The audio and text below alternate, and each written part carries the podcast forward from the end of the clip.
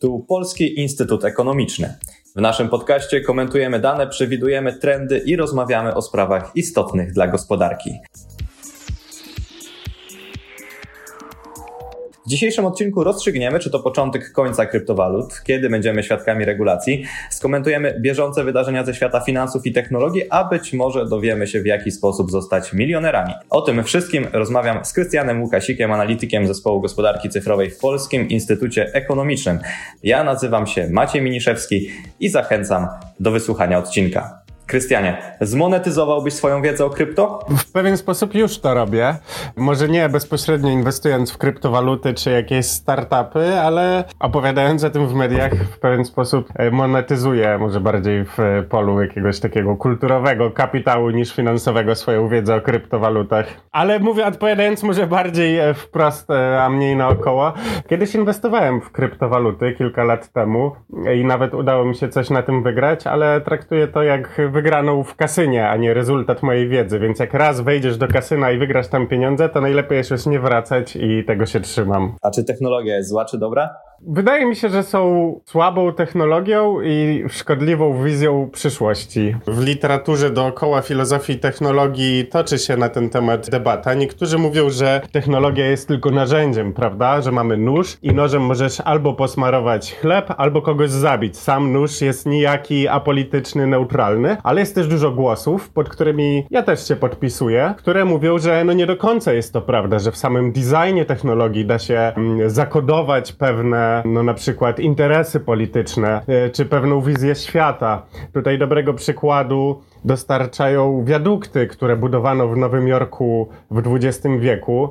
Tam za nie odpowiadała jedna osoba, już teraz wyleciało mi nazwisko tej osoby z głowy, ale był to taki bardzo znany urbanista, który odpowiadał za wszystko, co się wtedy budowało w Nowym Jorku. Mosty, wiadukty, parki itd., tak itd. Tak no i e, biograf tego e, urbanisty sam o nim pisał, że no, jest to największy rasista, jakiego kiedykolwiek spotkał. No i ten człowiek, bardzo mu nie odpowiadało, że ludzie biedni, najczęściej kolorowi, przesiadują na jego ulubionej plaży John's Beach, więc postanowił sposób techniczny zaradzić temu, tu w cudzysłowie, problemowi i te wiadukty nad autostradami wiodącymi na tę plażę wybudował na tyle nisko, że już autobus pod nimi nie przejechał, ale samochód tak. I w ten sposób wykluczył te biedniejsze osoby z wypoczynku na tej plaży. I to dobrze pokazuje, że już w samym designie technologii da się pewną polityczną agendę e, zakodować. I to nawet nie muszą być algorytmy, ale coś tak zwykłego, niepozornego jak wiadukt. No bo tu przecież nie kwestie E, techniczne czy ekonomiczne dyktowały jaki kształt, jaką wysokość ma ten wiadukt, a przekonania polityczne. No więc odpowiadając na twoje pytania, wydaje mi się, że no tak, że, że gdzieś tam zawsze możemy zniuansować tę sytuację. E, mówienie o tym, że technologia nie jest ani dobra, zła, ani... Zacytowałeś ostatnio też programistę Stefana Dilla i on napisał, że kryptowaluty to utowarowienie populistycznego gniewu. I to się jakby wpisuje w ten koncept tego, co, o czym teraz opowiadasz, czyli że swego rodzaju kryptowaluty również są nacechowane czymś. No to prawda. Nacechowane są na przykład jakimś takim resentymentem wobec współczesnego systemu finansowego, czy nacechowane może też są jakimś lękiem, albo może nawet odrazą względem instytucji publicznych, do których straciliśmy zaufanie i są badania czy dane pokazujące, że faktycznie to zaufanie do instytucji publicznych spada. No i tu w tym momencie pojawiają się kryptowaluty, które mówią wcale żadnym zewnętrznym instytucjom nie musicie ufać. Wystarczy, że oprzecie te relacje relacje, które dotychczas były moderowane przez te instytucje, oprzecie je na technologii blockchain, która to zaufanie do instytucji ma eliminować. A też zaznaczałeś, że zastanawiałeś się podczas jednego z wywiadów, na ile krypto to sekta i teraz nawet jak to o czym opowiadasz i wspominałeś, że patrząc na komentarze kryptowaluciarzy, mówi, że to słuszna intuicja. Czy dalej nie wyzbyłeś się takiego myślenia? W pewien sposób przypomina to kult, czy też jakieś praktyki religijne. No chociażby widać to w tym, jak krytyka kryptowalut silnie antagonizuje ludzi wobec siebie, no to znaczy, gdy krytykujesz jakiekolwiek inne techniczne rozwiązania, czy mówisz o tym, że, no nie wiem, ten system bazodanowy jest słaby, no to nie za bardzo kogokolwiek to interesuje i powiedzmy, że eksperci czy inżynierowie dyskutują na takim czysto technicznym poziomie, co jest lepsze, co jest gorsze. No ale gdy mówimy o blockchainie, kryptowalutach, NFT... Czy oglądałeś, czytałeś Wilka z Wall Street? E, oglądałem, oglądałem. I, I czy teraz właśnie cała historia o samie Bankmanie, e, szefie FTX, nie będzie taką nową historią i wersją naszego wilka z Wall Street, który również w jakiś sposób oszukiwał wszystkich swoich klientów? Tak, ale wydaje mi się to typowe dla e, Doliny Krzemowej, tylko niektórym się udaje, niektórym udaje się dłużej lub krócej. Mamy teraz też bardzo słynny wyrok wobec Elizabeth Holmes, która też była e, nazywana żeńskim Steve'em Jobsem. Założyła firmę i, i, i udało się pozyskać bardzo znaczących inwestorów i pozyskać bardzo, bardzo, bardzo duże finansowania i ona obiecywała, że oto dowiezie produkt, w którym możemy sobie tanio i bezpiecznie, szybko w domu przebadać krew. I to wszystko okazało się wydmuszka, to wszystko okazało się oparte na kłamstwie, ale wydaje mi się, że na kłamstwie, w którym, e, w które ci ludzie często wierzą. To znaczy, im się wydaje, że jeżeli wystarczająco dużo osób przekonamy do swojej idei, wystarczająco mocno będziemy cisnąć pracowników, to w pewnym momencie faktycznie uda nam się dowieść ten produkt. No tylko takie bardzo silne przekonanie o własnym geniuszu i o tym, że nam się uda, tylko musimy mocno cisnąć, no często jest nieprawdą. Był też taki fajny dokument na Netflixie Fire Festival i on akurat był o robieniu na wyspie festiwalu muzycznego dla influencerów, więc wydawałoby się na pierwszy rzut oka, że jest to z dala od Doliny Krzemowej i startupów, ale fajnie tam jest właśnie pokazane, jak ta mentalność Doliny Krzemowej, o której w swoich książkach czy biografiach właśnie piszą ci e, najbardziej znani CEO e, technologicznych firm, przekłada się też na inne projekty, które właśnie często w wyniku takiego utopijnego myślenia, czy też nawet narcystycznego myślenia upadają. Więc nie jest to ta sytuacja z samym Bankmanem jakoś specjalnie wyjątkowa. Fire Festival był takim projektem, który nam pokazywali podczas szkoleń projektowych jeszcze na studiach, jak nie organizować wydarzeń, jak nie obiecać zbyt dużo, natomiast rzeczywiście przejawia się tam to myślenie trochę Doliny Krzemowej. Natomiast wracając nawet do rynku krypto i tego, jak wpływają na ludzi poszczególni mocni tego świata, to czy ludzie w ogóle rozumieją, czym są kryptowaluty? No wydaje mi się, że to też jakoś można różnicować do, do jakiego stopnia. No moja wiedza też gdzieś tam się kończy. Ja nie jestem programistą, więc pewnie gdybym porozmawiał z kimś, kto pisze kod kryptowalut, to okazałoby się, że już w pewnym momencie gdzieś to no, zrozumienie się kończy, ale wydaje mi się, że... Ale to krypto jest trendy. Na TikToku obserwuję masę młodych osób i pokazujących strategię na to, jak zostać miliarderem już tu teraz. Są raporty Digital 2021, które pokazywały właśnie, jak wzrasta liczba osób korzystających z mediów społecznościowych od czasów pandemii i to poniekąd zrównują z tym, że był też taki większy wybuch i boom na rynku kryptowalut. Jaki miał być w ogóle zamysł na początku krypto? I nawet wspominasz chyba o tym, że tam doszło do takiego kłamstwa założycielskiego? Nie, no, no masz rację. Wiele, wiele osób bardziej wierzy w jakąś metaforę kryptowalut, w sensie w to, co one miały obiecać, jak zmienił świat, już jak za moment zrewolucjonizują finanse i instytucje publiczne i w ogóle to prawie wszystko. Więc gdzieś tam z, nawet takie podstawowe zrozumienie tej e, technicznej infrastruktury, która za tym się kryje, jest nikłe i to może też trochę przekonuje ludzi do tego, żeby inwestować, bo tak naprawdę nie wiedzą, co oni kupują i dlatego ufają giełdom, które przecież są zaprzeczeniem idei kryptowalut, które miały być z takim zdecentralizowanym systemem, a nie ma nic bardziej scentralizowanego niż giełda, która obsługuje wszystkie finanse. No i faktycznie gdzieś tam się to też nałożyło pandemia, że więcej siedzieliśmy w domu. Na to się też oczywiście nakładają te wielkie historie sukcesu kryptowalut, które jakoś porywają wyobraźnię ludzi. No i oni faktycznie w to inwestują trochę nie za bardzo rozumiejąc, co to jest. Może nawet jeszcze bardziej było to widać w przypadku NFT.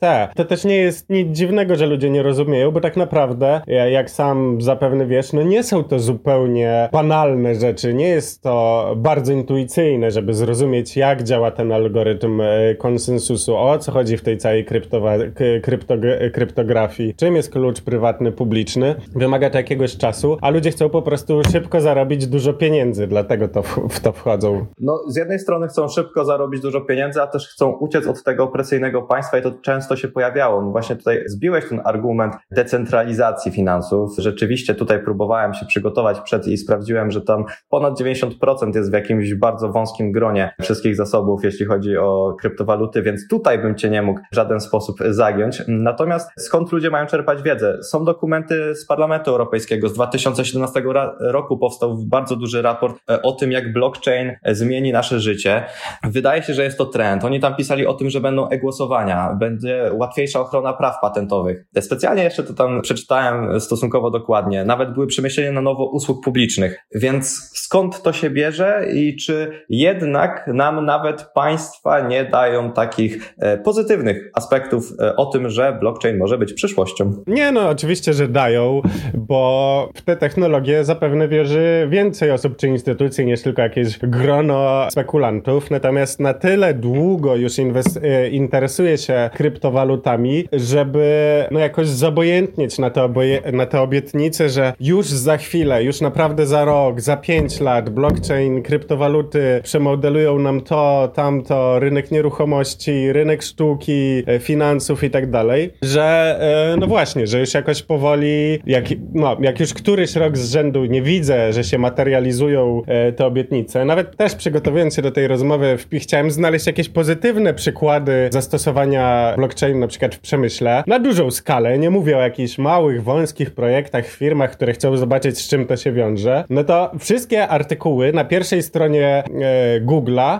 były w trybie przypuszczającym. E, to znaczy artykuły z 2022 roku wciąż są zatytułowane jak blockchain może odmienić ten sektor czy tamten sektor, jak blockchain w przyszłości zrewolucjonizuje to czy tamto, więc no po tych 14 latach wciąż nie widzimy jakiegoś zastosowania na szeroką skalę. No i tu się pojawia pytanie, czy to nie powinno nas jakoś e, zastanowić, czy nie mamy do czynienia po prostu z takim hype train, jak to się mówi po angielsku. Ja specjalizuję się w branży energetycznej. E, też przygotowując się do rozmowy, patrzyłem na różnego rodzaju przykłady. No i pytanie, nie sprawdzałem ich dokładnie. Natomiast Wdrożenie technologii blockchain w handlu ropą i gazem, zdaniem e, tutaj firmy BTL, e, ona była w takich dużych gigantach jak Eni, BP, Vine Energy, obniżyć koszty obsługi handlu o 30-40%. Sprawdzałem dalej wcześniej, w kwietniu 2018 roku, chilijska Narodowa Komisja Energetyczna ogłosiła też projekt blockchain skoncentrowany na energii. Oni tam w formie rządowego departamentu mieli wykorzystywać te technologie do rejestrowania, przechowywania i śledzenia danych dotyczących energii.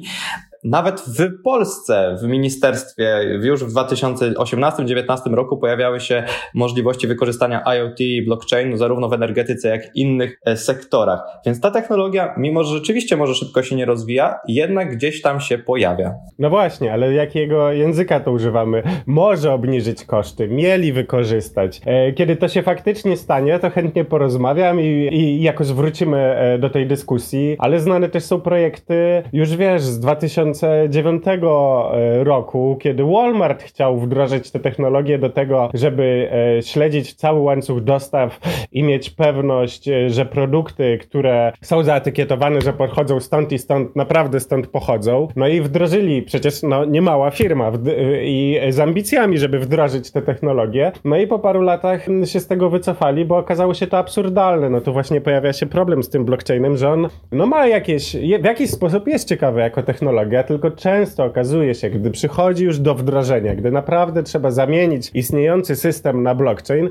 no to okazuje się, że ten poprzedni system był lepszy, efektywniejszy, e, sprawniejszy. No na przykład w świecie finansów pamiętam też, że banki miały, już nie pamiętam które banki, ale było takie konsorcjum banków e, zainteresowane wdrożeniem blockchainu, tak żeby one wszystkie miały właśnie taki zdecentralizowany rejestr, którym żaden bank nie zarządza u siebie w siedzibach. No i okazało się, w pewnym momencie, że ale po co my to mamy robić? Przecież my ufamy sobie nawzajem. Efektywnie jest, że ma to jeden bank i z nami dzieli te informacje, bo jest to szybsze, tańsze, sprawniejsze. No więc te e, case studies no tak naprawdę często są studiami przy, przypadków. A kiedy możemy spodziewać się regulacji? No w najbliższym czasie. Jakieś regulacje na przykład zaczęły się pojawiać w trakcie inwazji e, Rosji na Ukrainę, gdzie zaczęto dostrzegać, że te kryptowaluty są wykorzystywane do omijania sankcji. No i faktycznie Unia Europejska powiedziała, że, no że jakby, że kryptowaluty też te sankcje obejmuje. E, w Stanach Zjednoczonych też te kry, kryptogiełdy, które mają tam siedzibę, muszą przestrzegać części przepisów, które obowiązują sektor finansowy, ale mm, problem jest taki, że wiele z tych firm kryptowalutowych e, no nie ma nigdzie siedziby, albo mają siedzibę e, w rajach podatkowych, albo w krajach, które jakoś sprzyjają tej technologii. No i przez, przez to, że brakuje jakichś takich mm, zunifikowanych przepisów, przepisów, pojawiają się te problemy, jak chociażby z tą giełdą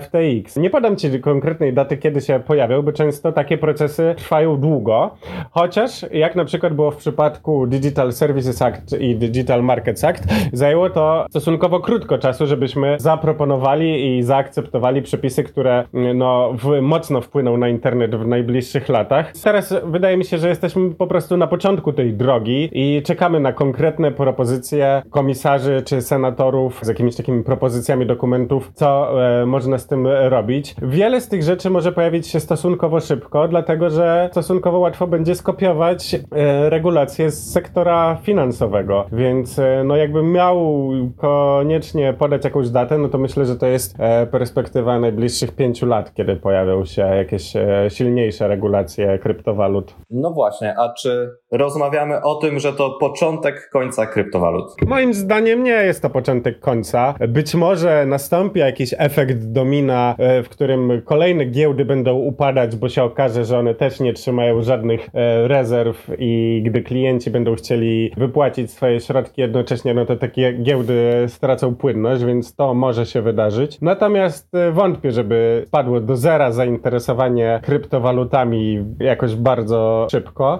W pewnym sensie to, co się dzieje, i tak też mówią osoby związane z kryptowalutami, to znaczy osoby, które jakoś entuzjastycznie na to patrzą, że to, co się dzieje, jest dobre dla kryptowalut, no bo one przecież miały być zdecentralizowane, więc fajnie, jak te giełdy poupadają, bo każdy będzie wtedy trzymał swoje pieniądze u siebie na komputerze tak, jak to powinno wyglądać, a nie oddawał władzę nad tym e, jakiejś trzeciej stronie i zewnętrznej instytucji, więc e, no w taki paradoksalny sposób i osoby, które są entuzjastami i wrogami kryptowalut patrzą optymistycznie na to, co się dzieje. Ja patrzę optymistycznie, no bo być może jest to początek silniejszej regulacji tego sektora, a regulacja nie jest zła dla rynków, ona wiele rynków tworzy. No i osoby, które są takimi, wiesz, zaawansowanymi użytkownikami patrzą na to z zadowoleniem, bo mówią, no wreszcie oczyszczamy się z tych szkodliwych instytucji dla rynku kryptowalut. No tylko moim, moim zdaniem też jest to takie naiwne patrzenie na e, rozwój e, kryptowalut, no bo jeżeli my będziemy wymagać od